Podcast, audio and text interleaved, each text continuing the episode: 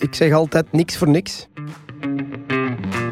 Welkom bij Denk Groter dan je bent. Een driedelige podcast van Vivaldi's die op een andere manier naar ondernemen kijkt met verrassende inzichten uit de natuur, sport en muziekwereld. En niet te vergeten, tips die je leven als ondernemer echt makkelijker maken.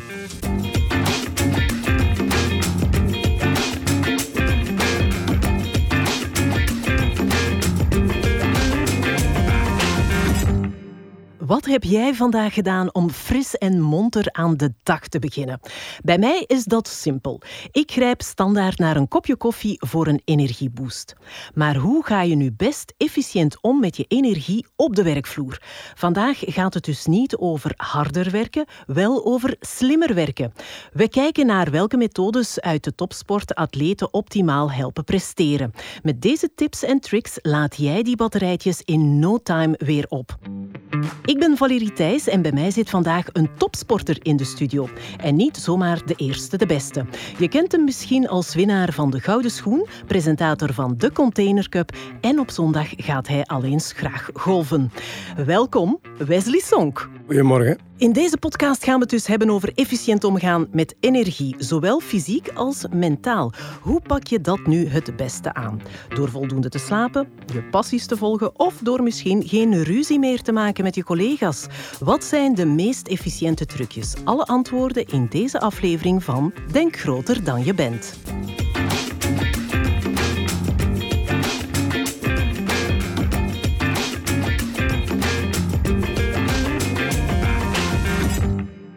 Wesley, ik ben er helemaal klaar voor. Laat de tips dus maar komen. Hoe kan ik zo efficiënt mogelijk omgaan met mijn energie? Wel, ik denk dat in de inleiding al een stukje gezegd is. Um, hoe kan je dat doen? Bij ons was dat uh, vroeger heel makkelijk. Dat was eten, trainen, slapen. En dat waren de drie belangrijkste zaken die je, die je moest doen. Waarbij ik het gevoel heb dat de, zeg maar de jeugd van vandaag een beetje vergeet dat rust um, zeer belangrijk is uh, in de ontwikkeling van je gezondheid, maar ook plaats van je lichaam. Fysiek moet je top zijn om te kunnen presteren. En dan is rust daar een uh, zeer belangrijke factor in, net zoals uh, eten en gericht trainen. Door de jaren heen is er heel veel veranderd in trainingsmethodes, waar we vroeger nooit wisten wat jouw hartslag was als je echt voluit ging. Kan je dat nu allemaal heel monitoren, heel goed zelfs. En kan je zelfs live op een iPad zien, bijvoorbeeld, als er iemand in het rood aan het gaan is tijdens de training bijvoorbeeld. Dus dat soort uh, zaken kan je veel beter meten. En dat hadden we vroeger al niet. Dus ja, er is een, een zeer grote evolutie gekomen in dat soort zaken. En dat is alleen maar een surplus, denk ik. Ja, ik vind het interessant dat je zegt dat rust zo belangrijk is, want we leven in een heel gejaagde maatschappij. Hè? En, en het, we moeten altijd maar meer en meer. En ik zeg altijd tegen mijn eigen kinderen van slapen, dat is beste remedie voor alles. Ja en nee. Okay. Um, ehm, ik vind ook slapen als je topsporter bent, vind ik heel belangrijk. Maar ik heb uit eigen ervaring, heb ik door mijn jeugd het gevoel, doordat ik niet altijd ging slapen op het beste uur of het juiste uur, dat ik daardoor ook sterker ben geworden. Fysiek dan bedoel ik, omdat uh, ja, je leert leven bijvoorbeeld met, uh, met veel slaap, maar ook eens met minder. En de vraag is dan, hoe ga ik daarmee om standaardaags? Kan je hetzelfde presteren? Um, moet je soms boven je eigen limieten gaan om hetzelfde te kunnen presteren? Eh, op een voetbalveld, als je je fysieke inspanning moet doen. En wat doet het ook mentaal met je? Als je op voorhand al weet, ik geef maar een voorbeeldje, als je zaterdagavond speelt om 8 uur en je hebt zondagmorgen training om 10 uur, ja, dan als je de wedstrijd stopt rond een uur of kwart voor tien, tien uur, dan zit je vol adrenaline. En slapen, dat gaat niet. Dus dat duurt dan heel, heel lang. Maar je weet natuurlijk wel dat je fysieke inspanning de dag nadien veel minder is. Dat is dan recupereren. Alleen is dan het feit je weet op voorhand dat je heel weinig gaat slapen. De vraag is, hoe ga je dat zanderdaags mee om?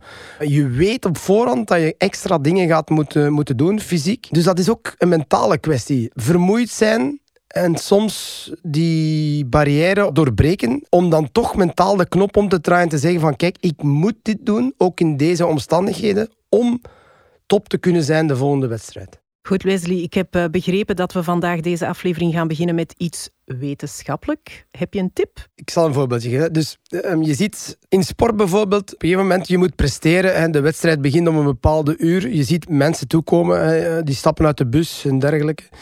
En eh, dan zie je iedereen met een koptelefoon opzitten.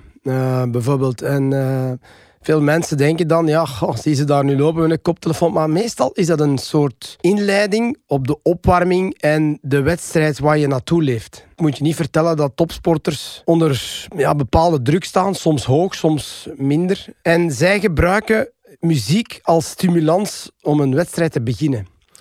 En ik had ooit iets, iets gelezen, dat was een wetenschappelijk onderzoek, dat blijkbaar als je opzwepende muziek um, gebruikt, dat je hartslag sowieso omhoog gaat en dat je in een veel betere flow zit om, om een wedstrijd te beginnen en zelf te spelen. ik dacht, maar dat, dat, is, dat is heel raar.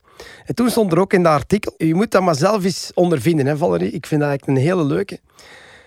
Je zet je radio op in de NATO en als er opzwepende muziek is, dan rijd je onbewust harder. Ik heb dat zelfs onlangs meegemaakt en dat ik echt dacht, omdat ik in die flow van die muziek zat en ik betrapte mezelf erop dat ik inderdaad veel te snel, allez, sneller dan normaal aan het rijden was en minder in controle was. Ja, dus daarom dat wij ook opzwepende muziek gebruiken om u klaar te stomen voor een wedstrijd. Hè. Ik heb nog nooit in een stadion gezeten waar ze een sloop uh, draaien. Uh, uh, zeg maar, ehm, om, om het publiek op te zwepen. Eén. Of uh, om de spelers zeg maar, fysiek en mentaal klaar te krijgen voor de wedstrijd. Dus jij past het uh, alleszins ook toe. Ja. Um, tip 1, dus zoek een kantoorsong, zou ik zeggen tegen onze luisteraars. Rage Against the Machine, anyone? Uh, maar om eerlijk te zijn, uh, jij bent een ongelooflijk energiek persoon. Van waar die onvermoeibare drive? Dat, bij mij heeft dat te maken met mijn sport. Hè.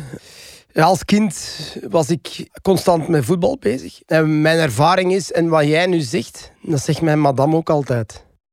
Die zegt al, maar jij bent nooit moe. Jij kunt daartegen. Jij bent fysiek sterk. Jij, jij bent bijna nooit ziek. Jij bent dit. Jij, um, jij hebt weinig slaap nodig. Ik zeg, ja, ik denk dat dat heel veel te maken heeft met een fysieke paraatheid die ik opgebouwd heb als kind zijnde. En dan door, doorheen de jaren als topsporter. Ja, je bent natuurlijk eh, heel gedisciplineerd moeten zijn hè, vanwege wat je allemaal gedaan hebt. Heb je zo'n motto waar je naar teruggrijpt of dat je aan je kinderen zegt en waar ze dan uh, rollen met hun ogen ja, om te zeggen van ons, daar heb je ons vader weer? Ja, maar ik, ik gebeurt elke week. Uh, ik zeg altijd niks voor niks. Ik gebruik dat uh, heel veel. Ik gebruik dat voor school bijvoorbeeld. Als de kinderen zeggen, ja, maar ehm, ik moet dit nog of ik moet dat nog. Ik zeg, ja, denk je dat als je niks doet, dat je fantastisch gaat scoren? Ik zeg, dat gaat uh, een lucky shot zijn, want dat kan niet. Dus wat ik daarmee bedoel is, je moet voorbereid zijn. Je moet zorgen dat je een plan hebt. En eigenlijk zegt dat alles. Hè.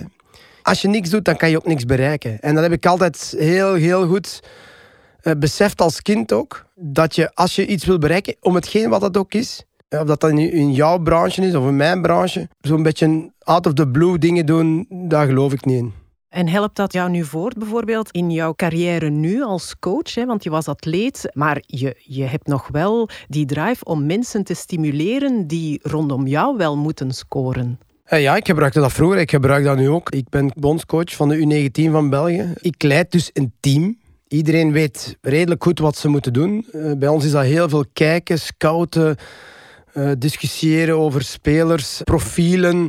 Welk profiel wil je in je team? Welk profiel wil je op het veld? Wat soort mensen zoek je voor een bepaalde positie? Goed, er zijn nog heel veel andere dingen. Dus wij bereiden ons ook heel goed voor op wat dat komt. Als er dan iets gebeurt. Blijkbaar, ik heb me altijd laten vertellen dat een goede trainer een flexibele trainer moet zijn. Dan moet je heel snel kunnen dingen veranderen en, en op inpikken. En dat doen wij ook. Maar als je niet goed voorbereid bent en je laat alles maar zo zijn beloop, dan geloof ik niet in een goede uitkomst. En ja, het laatste voorbeeld dat we, dat we hebben is, we hebben onlangs gespeeld in eh, Portugal, wat een van de toplanden is. We zijn daar naartoe getrokken met een heel goede voorbereiding. We hebben ook gewonnen. Niet dat dat meteen aan elkaar hangt, dat je goede voorbereiding, dat je ook wint. Maar je voelde wel dat alles goed zat. Hè? Alles was goed voorbereid. Um, En, en dat bedoel ik heel vaak met niks voor niks. Voorbereiding is alles, maar wat heb je nu echt nodig om te kunnen scoren? Hè? Kan je zo'n aantal dingen opnoemen? Want ja, voorbereiding dat is natuurlijk voor iedereen anders. Hè? Zijn er een bepaald aantal factoren waarvan dat je zegt van oké, dat zijn dingen waar wij op voorhand over nadenken en die ervoor zorgen dat we beter kunnen presteren? Wel, ten eerste moet je al een goed team hebben. Als je in een teamsport zit, dan moet je een team hebben. En dat, dat, ja, dus ik ben de hoofdcoach, heb ik uh, assistenten bijvoorbeeld. Uh, dan heb ik ja, mensen, kines, dokters. Dus die, die mensen weten allemaal heel goed wat ze, wat ze moeten doen. Ik, ik zeg ook wel van, kijk, jullie hebben de vrijheid, want jullie kennen jullie vak beter dan ik, maar ik moet wel op de hoogte zijn van bepaalde zaken, zodanig dat ik weet als er iets gebeurt, dat ik kan ingrijpen. Um, dus ik ben eigenlijk de eindverantwoordelijke. Ik vind dat een beetje raar dat mensen misschien met meer ervaring in hun vak, hè, als dokter of kine zijnde, hè, dat ik daar eigenlijk moet de leiding over hebben. Dus ik probeer dat op een redelijk gelijke basis te doen, maar ik moet wel de eindbeslissingen nemen. Dus de, de balans in je team is zeer belangrijk. Zeer belangrijk. Dus ik laat me ook omringen door, door goede mensen um, die heel goed in het team passen en die heel divers zijn. Dat vind ik ook heel belangrijk. Niet, niet mensen die altijd zeggen: Ja, het is goed. Nee, nee. Ik wil mensen hebben die zeggen: Kan dat misschien op die manier? Want, en dan ga je erover nadenken. Ik zeg altijd: vele ogen zien ook veel betere zaken. Als je met je eigen ogen altijd naar iets kijkt, ja, dan ben ik van overtuigd dat tien ogen, of twaalf of veertien, veel meer zien dan die twee. Maar je moet daar ook voor openstaan, natuurlijk team is heel belangrijk op individueel vlak. Wat kan ieder van ons helpen om beter te scoren? We hadden het al eventjes over eten, rust. Zijn er nog zo van die factoren die belangrijk zijn op individueel vlak? Ja, de omgang met mensen. Het, het menselijke vind ik zeer belangrijk. Ik denk dat het ook in het bedrijfsleven zo is. Als je moet uh, mensen sturen, je krijgt ook altijd wat je geeft. Dus als je heel goed zet met je mensen, als je goed voor mij doet, dan krijg je dubbel terug. Dus als je goed bent voor je mensen, eh, dan verwacht je ook dat je iets terugkrijgt. En ik vind dat een hele belangrijke. En niet alleen als speler was dat vroeger belangrijk, over het feit dat je op een menselijke manier moet aangesproken worden. Soms een keertje met harde hand, want dan, dat moet. Um, maar langs de andere kant ook, ja, wij noemen dat zalven en slaan. Hè. Ik bedoel, dat is, dat is de uitdrukking. En dat is ook zo. En dat is nu ook zo met het feit dat je leider bent van een team. Ehm, dat je met je mensen heel moet zeggen: kijk, van oké, dit is goed, hè, doe maar, dat is oké, doe maar zo, doe maar dit. Of, um, maar als die mensen dan hun taak niet uitvoeren, ja, dan ben ik er wel natuurlijk om te zeggen: van kijk, dit kan niet meer. En de volgende keer gaan we dat zo niet meer doen. Uh, maar op een menselijke manier. En ik denk dat bij de meesten um, dat wel de beste aanpak is. Misschien niet bij iedereen, maar wel bij de meesten. Um, dat is toch mijn ervaring die ik heb door, door de jaren heen. Ja. Wat ik wel heel interessant vind, en daar ga je nu op antwoorden, is hoe moeten wij um, stress de baas? Want jij bent uh, atleet geweest, coach nu, nu ben je ook presentator. Hè? Je, doet, je oefent hetzelfde beroep uit als ik uh, al jaren doe, maar dat is toch ook wel stresserend af en toe? Nee, ik heb dat niet. Dat is okay. eigenlijk iets heel raar. Hè? Mensen zeggen altijd, heb je stress? Uh, ik zeg nee, want ik heb uh, geen angst om te falen. En hoe komt dat? Ja, geen idee. Echt, ik heb daar geen idee van. Want falen hoort bij het leven, hè? Ja, als je niet faalt, ga je nooit iets leren. Dat is een cliché-antwoord, hè? maar het is ook zo. Maar dat, dat is thuis ook het feit dat we heel veel gesprekken hebben over faalangst. Ik zeg, ja, maar faalangst. Ik bedoel, uh, ik hoor ook uh, in mijn branche coaches zeggen, ah, ik streef naar de perfectie. Stop daarmee, want dat lukt niet. Perfectie bestaat niet. Ik heb een zeer mooie quote van mijn schoonvader. En hij zegt: Volmaaktheid is niet van deze wereld. Ik dacht: Oh jong. Ik ben daar binnen over na te denken. En ik dacht: van, Die mens heeft gelijk. Die mens die zegt hier iets tegen mij. Een beetje al lachend, maar eigenlijk klopt dat wel. En ik gebruik dat ook, want mensen die perfectie zoeken, die gaan het nooit vinden. Dus eh, zijt content met wat je hebt bereikt.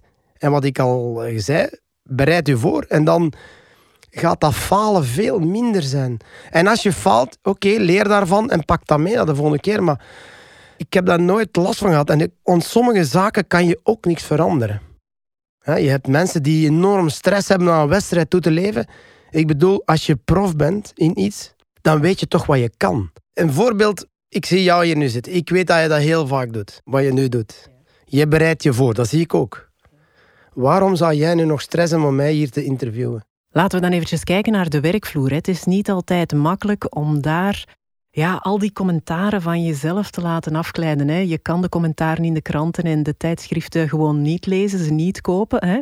Niet het internet afstruinen, grasduinen en proberen te zien wat ze allemaal over jou zeggen.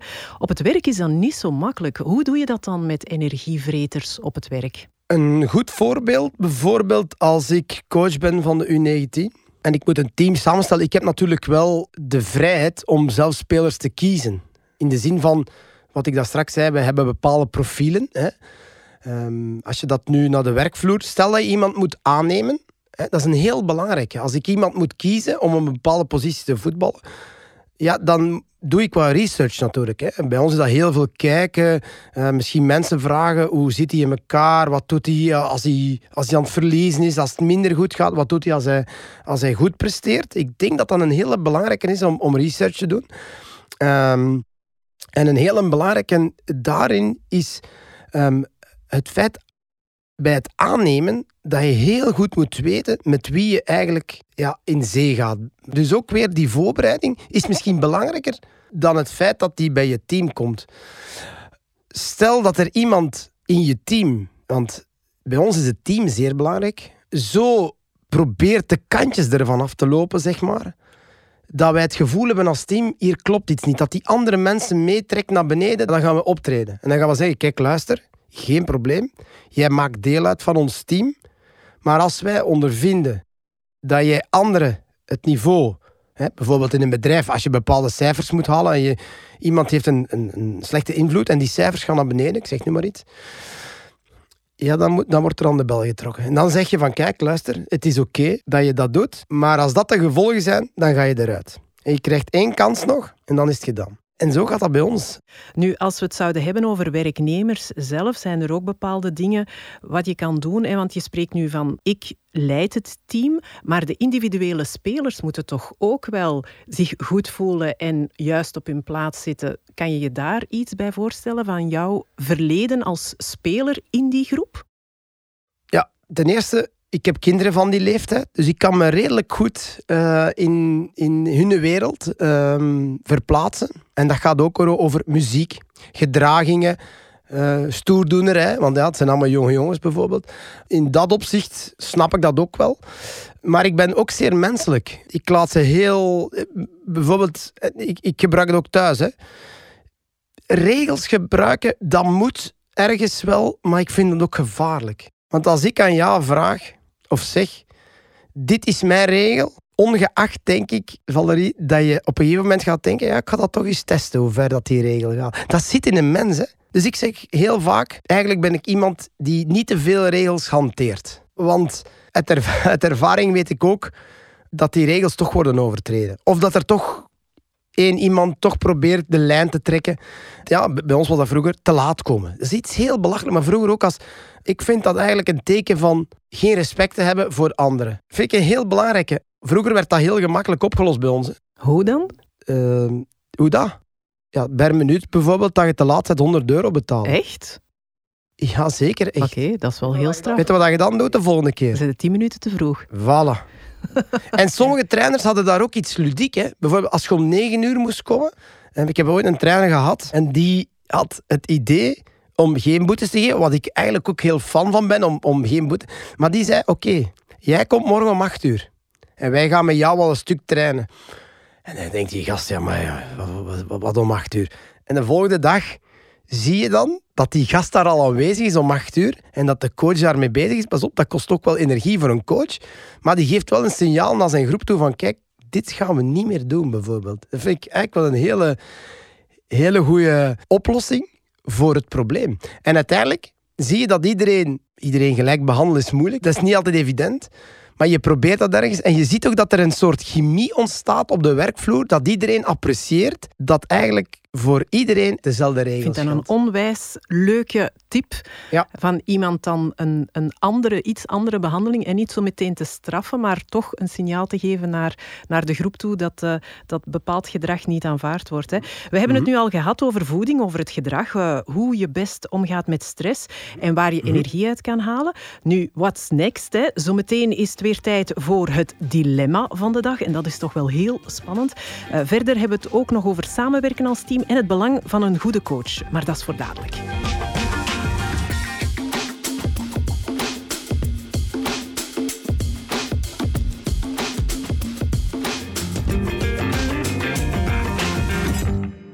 Je weet het misschien uh, of niet, maar naast topvoetballer is Wesley ook coach bij de Royal Belgian Football Association. En het dilemma dat we hem vandaag voorschotelen heeft daar iets mee te maken. Ben je klaar, Wesley? Mm -hmm. Here we go. Jezelf of spelers sparen om ze op het juiste moment te kunnen inzetten of juist de spelers laten staan om ze in hun ritme te houden? Het uh, tweede dan. Dus juist de spelers laten staan om ze in hun ritme te houden. Ja, ook uit eigen ervaringsstuk omdat ik weet dat je iets heel goed kunt en je wordt bijvoorbeeld te snel eruit genomen, zeg maar. Of stel dat je in een bedrijf een bepaalde taak moet doen en, en degene die de leidinggevende geeft jou die taak en die zegt jij kan dat heel goed. En het mislukt ene keer of twee keer, wat in het voetbalwereldje ook heel vaak gebeurt, want we blijven mensen. Maar je hebt vertrouwen dan moet je soms dat vertrouwen wat langer laten lopen, zeg maar. Maar dat je toch het vertrouwen geeft om dat te blijven doen. Natuurlijk, daar staat ook ergens een grens. Maar als ik weet dat iemand iets heel goed kan, dan geef ik dat vertrouwen. Zeer graag, want ik ben nog altijd van principe dat je de mensen die het goed kunnen, moet je dat laten doen. Dat vind ik het allerbelangrijkste. Ja. En het uh, eventjes uitzitten. Uh, ja, uh, geduldig zijn. Wat niet van mijn sterkste kant is. Dat is misschien iets wat ik minder goed beheers, geduldig zijn.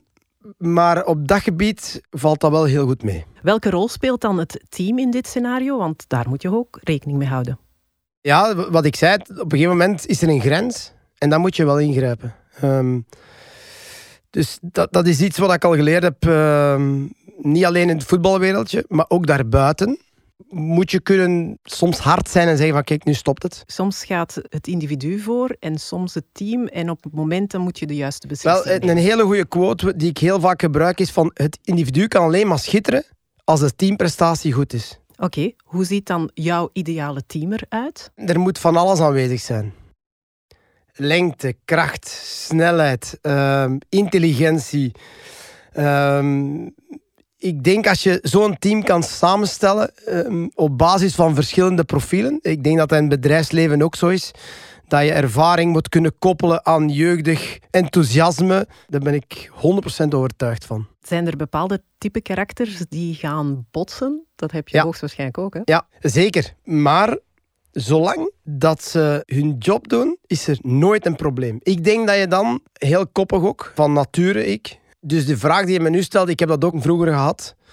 En dan moet je kunnen scheiden en zeggen van voor wat ben ik hier eigenlijk? Kan ik dat goed? Doe ik dat goed? Wil ik dat goed doen? Ook al is dat een leidinggevende, ja, dan is er nooit een probleem. En je moet dat als leidinggevende ook kunnen, kunnen zeggen van kijk, die past misschien niet in mijn kraam, in mijn denkwijze, maar hij presteert wel. En dan moet je ook durven zeggen als coach, kijk, eigenlijk past die misschien wel, ondanks dat het niet matcht met mij, moet je toch groot genoeg zijn om te zeggen van, kijk, we gaan dat wel doen. Want ik denk dat het gaat lukken. Coachen is teamwerk, hè? Eh, maar... een hele goede vraag. Weet je eigenlijk voor wat de, het team staat? De letters van team. Weet je dat? Nee. Als wij een slide maken en we zijn altijd over team bezig, dan is de eerste slide bij mij altijd voor wat staat team? Team staat voor together, everybody achieves more. Oké. Fantastisch. Ik, ik, was er zelfs niet op gekomen. Maar in ieder geval, dat is wel een, een, een, heel mooi. Die ga ik wel onthouden. En ik denk in ondernemingen dat het ook altijd dezelfde zijn. Hè, die heel vaak alle klusjes verzorgen, et cetera. De kaartjes kopen als er iemand verjaart of met pensioen gaat. Inderdaad, als we dat nu eens gezamenlijk als team zouden aanpakken, dan gaan we samen Ja, je kunt wel de verantwoordelijkheid leggen bij degene die de kaartjes moet kopen, bijvoorbeeld. Stel, dat die, die passeert elke dag aan zo'n winkel. Dan denkt, ah, zal ik dat doen, want ik passeer daar. Maar het moet niet altijd dezelfde zijn. Het moet ook eens iemand anders zijn of die met een idee komt. En dat is het woord team, hè. Te samen dingen doen. teams die bereiken dingen, maar niet zonder coach, uiteraard. Hè. En een coach heb je vaak niet te kiezen. Jouw U19 boys hebben jou niet gekozen, maar ik, ik denk absoluut dat ze vinden dat je een fantastische bondscoach bent. Nu, eh, kan een mindere band nu met de coach bijvoorbeeld toch dat teamspirit wat kraken? Deze vraag, ik vind dat eigenlijk de beste vraag die ik sinds jaren gekregen heb. Dan ben ik benieuwd naar ja, haar antwoord. Omdat, wat je zei, hoe ga je om in jouw situatie, vroeger ook als speler, met het feit dat je ergens terechtkomt en er wordt een trainer aangesteld die je niet ligt. Want dat, dat kan, hè. Ik heb het ook meegemaakt. En je kan het van op voorhand weten. Dat vind ik een zeer goede vraag. Dat is niet zo evident. Dan kom ik een beetje terug bij mijn, bij mijn antwoord die ik daar straks gegeven heb in het feit van dat je bijvoorbeeld mensen je niet goed liggen, maar dat je toch je allerbest moet doen, vind ik. Ook al match je niet, samen qua karakter, om de dingen die je moet doen tot een goed eind te brengen. Dan moet je presteren als je taken uh, toegewezen worden om die uit te voeren in de zin van ja, als dat nu iemand anders zou zijn, dan zou ik dat ook de volle 100% willen afmaken en zo goed mogelijk doen. En dat is ook een vraag die ik dan heb in het bedrijfsleven. Stel dat je, er wordt een nieuwe baas aangeworven en je voelt dat het daar niet goed zit. Wat doe je als werknemer die er al langer zit? Wat doe je dan? Hoe ga je daarmee om? Want in, in de sport kan je je nog altijd uitleven. Qua fysiek en, en adrenaline en noem maar op. Maar hoe, hoe los je dat op in, in bedrijfsleven als mensen je niet goed liggen? Want misschien kan je op een bepaald moment je ei niet meer kwijt. zit je achter een bureau en, dat is toch een heel ander gegeven. Ehm, dus ja, mijn vraag ook naar de mensen die misschien luisteren naar de podcast en, of misschien naar jou toe, van hoe lossen die dat op? Ja, persoonlijk zou ik eventjes de kat uit de boom kijken. Dat is, dat is wie ik ben. Maar ik zou toch ook proberen van in dialoog te gaan. Ik denk dat praten heel veel mensen durven dat niet, maar soms moet je je stoute schoenen aantrekken en moet je ook durven zeggen van kijk, ik voel dat het hier een beetje sputtert of dat het wat moeilijker is. Als je dan eigenlijk een coach bent of een baas bent die open staat voor dialoog en gesprek, dat je daar alle twee dingen in kan vinden. En dat je dan inderdaad onderliggend kan zeggen van ja, we moeten samen het werk verrichten of het doel bereiken en dat je dan wel een modus vivendi kan vinden, maar vooral niet opkroppen. Dat zou ik niet doen. Maar dat is niet makkelijk, hè? Maar dat ligt dat ook aan de persoon. Hè? Bijvoorbeeld, door de jaren heen zijn er ook psychologen in, in het voetbal gekomen, omdat er jongens niet kunnen uiten door een angst, door schrik om verkeerd te doen voor een coach, maar zelfs ook schrik om zelf verkeerd te doen op een veld. Ehm, terwijl dat je wel je beste van jezelf geeft. Dus dan denk ik dat het ook belangrijk is hoe je als mens in elkaar zit. Ik weet dat uit ondervinding, ik zou het heel snel kunnen naar iemand toestappen en zeggen van kijk, dit is, dit is wat er aan de hand is. Hoe gaan we dat hier oplossen? Maar je hebt ook jongens die heel stil, introvert zijn. Nu, hoe zou jij jezelf als coach omschrijven? Je hebt al een paar woorden laten vallen, maar als je het nu in twee zinnen zou moeten zeggen? Streng maar rechtvaardig ook. Ik denk dat dat ehm, een zeer goede omschrijving is. Menselijk, dat vind ik ook belangrijk. Als coach ben ik ook iemand die zeer goed luistert naar wat mijn team te zeggen heeft. Terwijl dat ik nog altijd beslissingen moet nemen omdat ik weet dat naast mij mensen zitten die misschien meer ervaring hebben in het coachvak dan ik zelf. Waar investeer jij energie in als coach? Dat is ook een goede vraag. Positief denken vind ik een zeer belangrijke om energie te krijgen. Waarom? Ik zeg altijd, als je vertrekt met die instelling, dat geeft je extra energie. Als je al op voorhand gaat denken dat het negatief gaat zijn, ja, dan beïnvloedt dat je hele zijn. Daar ben ik zo overtuigd van, als je met een idee zit in je hoofd van het gaat niet goed zijn, het gaat niet goed zijn, of, of ik kan dat niet. Of, dat is ook een woord of, of een zin die ik niet wil horen. Van ik kan dat niet. Ik zeg nee, nee, je wilt het niet. Ik zal een, een stom voorbeeld geven. Als ik denk met die instelling, de positieve gedachte van ik kan dat wel. Ik zeg, als je dat gaat aanleren, van zijn nu eens positief of, of pak dat mee en, en, uh, en, en, zet dat om op het veld. Iets uh, als kind bijvoorbeeld. Als ze tegen jou vroegen, ik, ik ken jou niet, hè? Ik ken jou niet. Als ze tegen mij vroeger zeiden, we zitten nu op een stoel. Je staat achter je stoel en ze zeiden dan tegen mij, jij kunt niet vanuit stand over die stoel springen en met je twee voeten op de voorkant landen. Wel, dat moest ze niet tegen mij zeggen. Want dan wou ik dat zo hard bewijzen dat ik dat wel kon. Maar hoe ga je dat kunnen? Door heel veel te doen. Hoeveel keer gaat dat mislukken? Veel meer dan dat het lukt in het begin.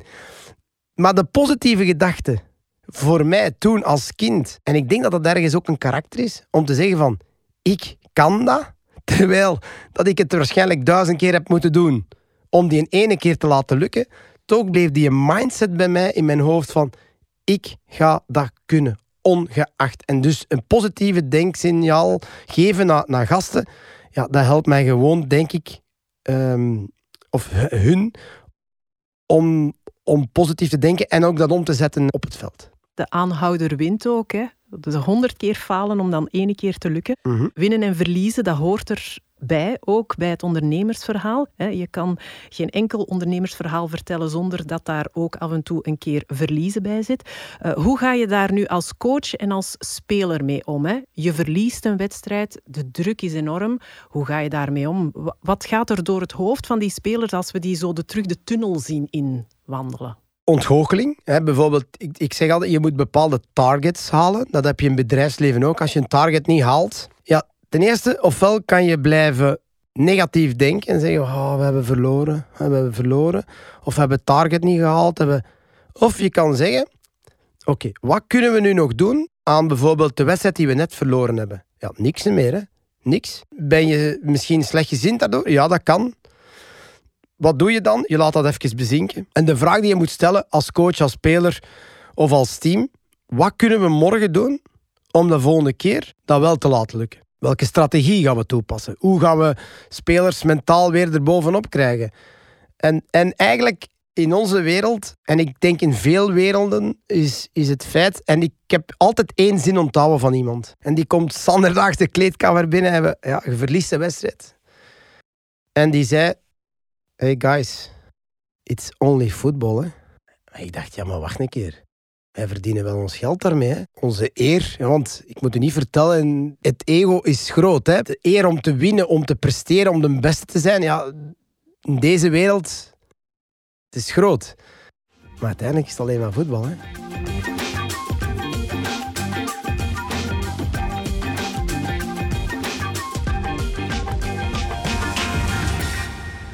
En voor wie even de motivatie kwijt is, hebben we één gouden tip. Wesley, wat is volgens jou de belangrijkste les dat een ondernemer uit de sportwereld kan leren? Ik denk in alle werelden, um, maar mijn motto nog altijd um, ergens um, niks voor niks. Ik blijf erbij, als je er alles aan doet om je bepaalde doelen te bereiken, ook in het ondernemerschap, daar ben ik er heilig van overtuigd dat het op een gegeven moment gaat lukken. Daar ben ik 100% overtuigd van. Het kan niet anders. Het kan niet zijn als je. Het kan niet zijn, dat is een titel van Vultura. um, ik kan het niet geloven als je er alles aan doet dat het nooit niet zal lukken. Dat kan niet. Op een gegeven moment heb je, heb je als je de, de, de goede instelling hebt, de positieve instelling, dan op een dag gaat het wel gebeuren. En misschien een, uh, een plaat draaien dan. We hadden het over Wiltura, misschien nu niet Wiltura, maar een goede plaat, een stevige plaat opzetten en dan zeggen van we gaan er weer voor? Uh, ja, ja, want zoals ik al zei, um, muziek is een heel belangrijke factor geweest in mijn leven om dat soort dingen. En ik denk bij heel veel mensen. Als je goed gezien bent, dan, dan zet je een happy plaat op. En als je een beetje down bent, dan zet je... Ik heb zelfs een Spotify-lijst met down liedjes. Dus als je je slecht voelt, zet je dat op. En dan denk je, oké, okay, uh, en nu gaan we terug naar, naar een happy song. Hè. En, en, ja, ik denk dat dat bij iedereen uh, zo wel het geval is. Ja, wel, dan uh, denk ik dat onze luisteraars bij de volgende vergadering dan toch een, een hevig schijfje zullen opleggen. Hè? Nee, nee, nu even serieus. Uh, je omringen op het werk best met verschillende karakters, hè? Verschillende mensen. Dat is de allerbelangrijkste les, denk ik. En vooral, wat ik ook onthoud, dat je gezegd hebt, steek geen energie in dingen die je niet kan ja, veranderen. Ja, zeer belangrijk, ja, absoluut. Wesley, heel hard bedankt voor deze leuke babbel. Graag gedaan.